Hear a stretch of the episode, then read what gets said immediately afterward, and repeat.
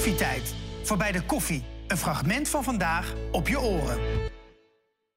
Misschien is het wel niet helemaal je onderwerp, maar we gaan het er wel over hebben. Ratten vieren namelijk feest nu vuilnis in veel steden niet wordt opgehaald. Nou, heel veel mensen gruwelen van deze diertjes. Ik denk ook wel als ik zo'n grote rat in de stad zie van... Nou, Eh, ze zouden vies zijn. Eh, en ze zouden ziektes overbrengen. Nou, veel meer dieren zoals de duif, de haai en de mol... ze hebben allemaal een slecht imago. Maar is het eigenlijk wel terecht? Dierenbeschermer Karen Soeter schreef er het eh, boekje over Rotbeest...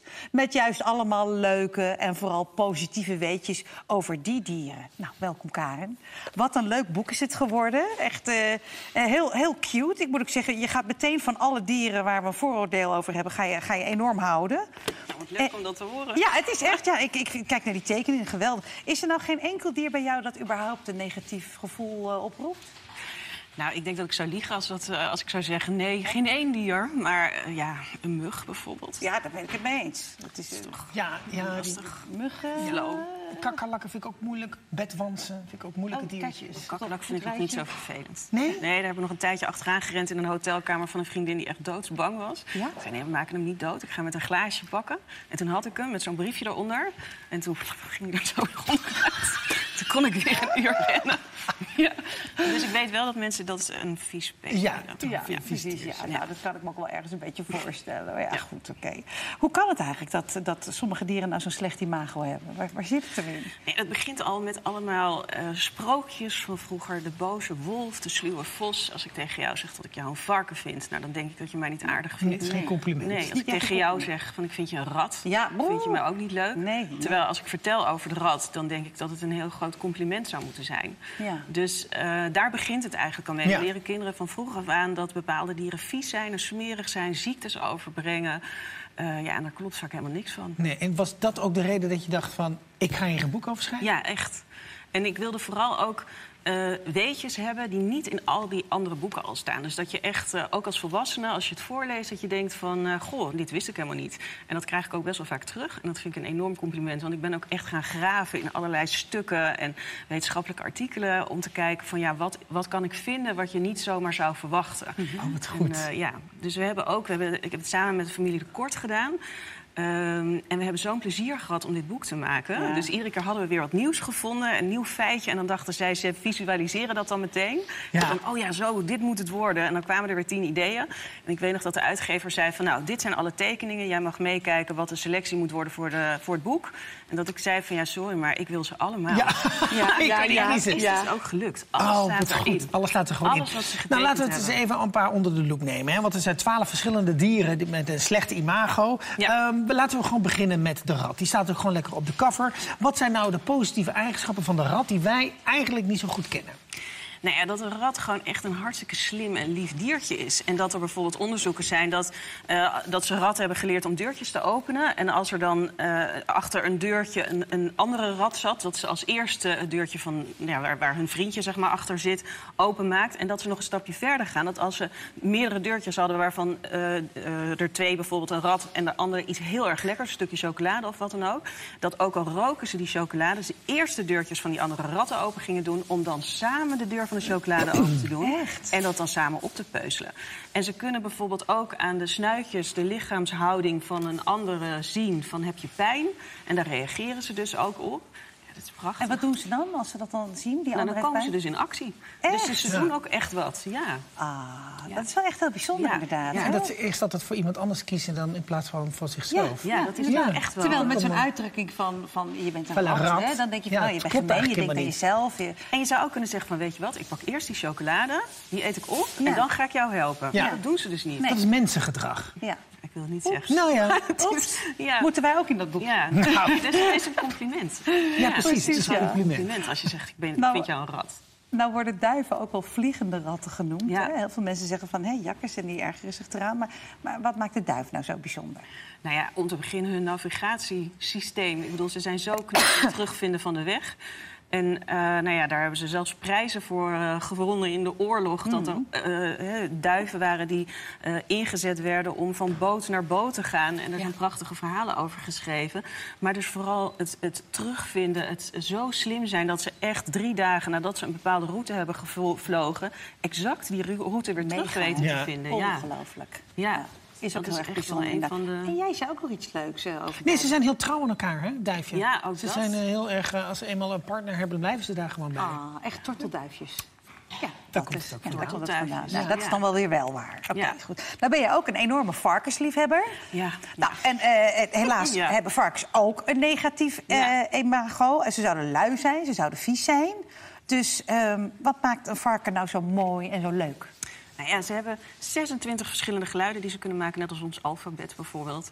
Eh, je hoort ook de verschillen. Ik heb het grote voorrecht dat ik al eh, anderhalf jaar lang een varkensfamilie mag eh, filmen. Dus ik zit echt letterlijk tussen mama varken en de biggen. Maar die, wij noemen dat nog steeds biggen, maar ze zijn 300 kilo en heel erg groot. En een van de dingen die ik bijvoorbeeld heel bijzonder vind, is dat varkens hartstikke zindelijk zijn. En dat hoor je dan, hè, van varkens zijn zindelijk. Maar dan zit ik daar in een grote stal waar al die varkens nou ja, hun slaapritueel gaan hebben. En dan gaan ze nou ja, hun, hun, hun stro verplaatsen, echt hun bed opmaken, zeg maar. Hè. En iedereen wil dan die naast die, die naast die. Daar zit ook een hele eh, nou ja, structuur in. En dan ben je dat aan het bekijken. En als dan eindelijk iedereen ligt, want dat gaat dan ook vaak met bozigheid. Van ja, maar ik wil hier liggen. En dan Oh, hoor je ja? ze geluiden maken. En dan, eh, ah, oké. En nou, dan liggen ze eindelijk. Nou, dat is één genot. Het is een schouwspel om naar te kijken. En dan denk ik, nou, nou ga ik eens luisteren naar alle knorretjes. En dan moet iemand naar het toilet. En die ligt achter. Maar je gaat niet je eigen bed bevuilen. Dat doet een varken gewoon niet. Die lopen 5 tot 15 meter om dus te zeggen van, ja, nou, dit is wat we af hebben gesproken, is het toilet. En als je dan achter in die stal ligt en het ligt helemaal vol met varkens, ja, vette pech. Maar dan ga je dus over al je andere vrienden heen, met alle gevolgen van dien. Dus dan hoor je weer echt, nou ja, een oergeluid dat je denkt, wat zijn dit voor dieren? Ja. En dan gaan ze plassen of hun andere dingen doen. En dan gaan ze weer terug en dan proppen ze zich er weer tussen. En dan is het weer rustig totdat de volgende naar het toilet moet. Ja, goed. Ze zijn dus helemaal niet vies. Hè? Verre van vies. Nee, ja, ze hebben natuurlijk die modder. Maar die modder dat heeft ook een reden. Dat is voor een zonnebrand. Eh, ze zorgen ervoor dat eh, er geen parasieten opkomen. En dat is echt dat is hartstikke belangrijk. Maar dit voor ben jij? Ja, dit ben ik. Echt waar? Maar vertel even, hoe was dit? Hoe lang heb jij eh, lekker in dat modderpoeltje Nou, nee, eigenlijk was het verhaal ook een beetje heel erg triest. Want dit varken komt uit de industrie waar ze natuurlijk geen modder gewend zijn. En dit is de moeder. En de biggen waren al lang die modder ingesprongen. Maar mama durfde niet. Oh, en eh, ze is negen. Ze heeft gewoon nog nooit eh, zo ja, 240 biggen in de industrie gekregen. En ze kende dit gewoon niet. Dus toen hadden we bedacht van, nou weet je wat, we doen het voor. dus, en het begon eigenlijk zo'n beetje van kom maar. En een beetje zo op Ja, de ja, ja, modder. ja. En een beetje toegooien. Nou ja, en uiteindelijk eindigde het eh, zo. En hoe vond ze het? Fantastisch. Ja. Ja, nu is ze echt gewoon... Het is heerlijk dat ze Oh. gewoon zich echt helemaal... En ook, ze zijn veel buiten. En in de zomer dan verbrandt zo'n velletje ook... als je daar geen modder op smeert. Ja. En water verdampt heel snel. Dus Ja. die modder is ontzettend belangrijk Ja. eh, voor ze. Gewoon Het zijn eigenlijk hele Ja. schone dieren eh, als je het zo eh, kijkt, toch? Ja, Varkens. en, Ja. en ik, was ook tien jaar jonger toen ik uit die poel kwam. Ja, precies. Een ander dier, want vorige week eh, vond de vijfde mollentelling plaats in ons land. Nou, Ja. dat was een record geteld, iets van 70.000 molshopen. Ehm, maar goed, heel veel mensen vinden het toch irritant als dat hele tuintje mooi is aangehangen. Een nieuw gezonnetje dat er van die molshopen Ja. eh, naar boven komt. Ja. Ehm, wat is er nou toch zo leuk en mooi aan de mol? Nou ja, en ik snap dat, hè, als je gewoon je net je tuin mooi hebt... en er liggen al die molshopen. Maar als je dan bedenkt hoe knap het is dat dat diertje gangen maakt... van soms al 200 meter lang. Wauw. En dat ze, ze, ze hebben het gewicht van een appel. Nou, je weet hoe groot een appel is. Maar ze kunnen drie kilo eh, zand wegduwen. Dus ze Ja. zijn zo sterk. En ik had laatst, en dat was eigenlijk wel heel erg triest... toen eh, had mijn kat, vrees ik, die had dus een mol mee naar huis genomen. Dus ik vond in de gang, ik denk, wat is dit nou? En eh, nou ja, dat was dus een molletje. We hebben hem ook weer buiten gezet. Maar dan zie je ook zo'n stevige klauwen. Ja, Ze hebben zo. ook duimpjes, maar die staan altijd naar beneden. Ja, ze ziet er prachtig uit. Ja. Dan nog het laatste dier, want die is eigenlijk alleen maar negatief in het nieuws. Eh, sinds die een beetje in Nederland is, eh, bijt die dieren dood. Vooral veel schapen. Ik heb het natuurlijk over de wolf. Van de week kwam ook nog in het nieuws dat er een man wordt bedreigd door een hele roedel met wolven. Is er überhaupt iets positiefs te vertellen over de wolf? Ja, daar zou ik u wel over kunnen vertellen. Want de wolf Nou, dat is echt hebben we helaas een niet. bijzonder dier. maar eh, nou ja, bijvoorbeeld één heel bijzonder feitje is dat het echt een familie is. En dat ze dus ook voor elkaar zorgen. En dat de oudere wolfjes voor de jonge wolfjes zorgen. Eh, dat wolven ook heel veel kunnen leren. Dus dat het niet zo is dat, eh, dat wolven die bijvoorbeeld nooit een schaap he- hebben gegeten... omdat ze eh, nou ja, misschien wel geleerd hebben dat ze het hartstikke vies vonden... omdat ze er misselijk van werden, die eten andere dieren. En er zijn zelfs wolven die alleen maar vis eten. Echt waar? Oh, echt waar. Maar dan passen ze dus aan aan de locatie ook. Ja. En als jij hebt geleerd van ja, ik bedoel, wat dat betreft zijn het net honden. Als jij leert van dit is echt gewoon smerig, dit moet ik niet eten, want daar word ik heel erg misselijk van. En dat is dan een schaap. Ja. Ja. dan doen ze dat dus ook niet. En dan gaan ze zoeken naar een hert of een, eh, of een everzwijn of wat dan ook. Ja. En ik heb ook begrepen dat er eigenlijk eh, schapen worden eerder doodgebeten door een hond dan door een wolf. Ja. Ja. ja nog steeds. Ehm, ja, nog veel meer van deze heerlijke verhalen over dieren met een slecht imago staan dus gewoon in je boek Rotbeest, wat ook binnenkort wordt vertaald in het Deens. Ja. Hoe heet het dan? Weet je het dan al? Ja, dat weet ik eigenlijk niet eens. Maar ik vind het wel heel bijzonder. Ja, Zoiets. Rotbeesten. Ja,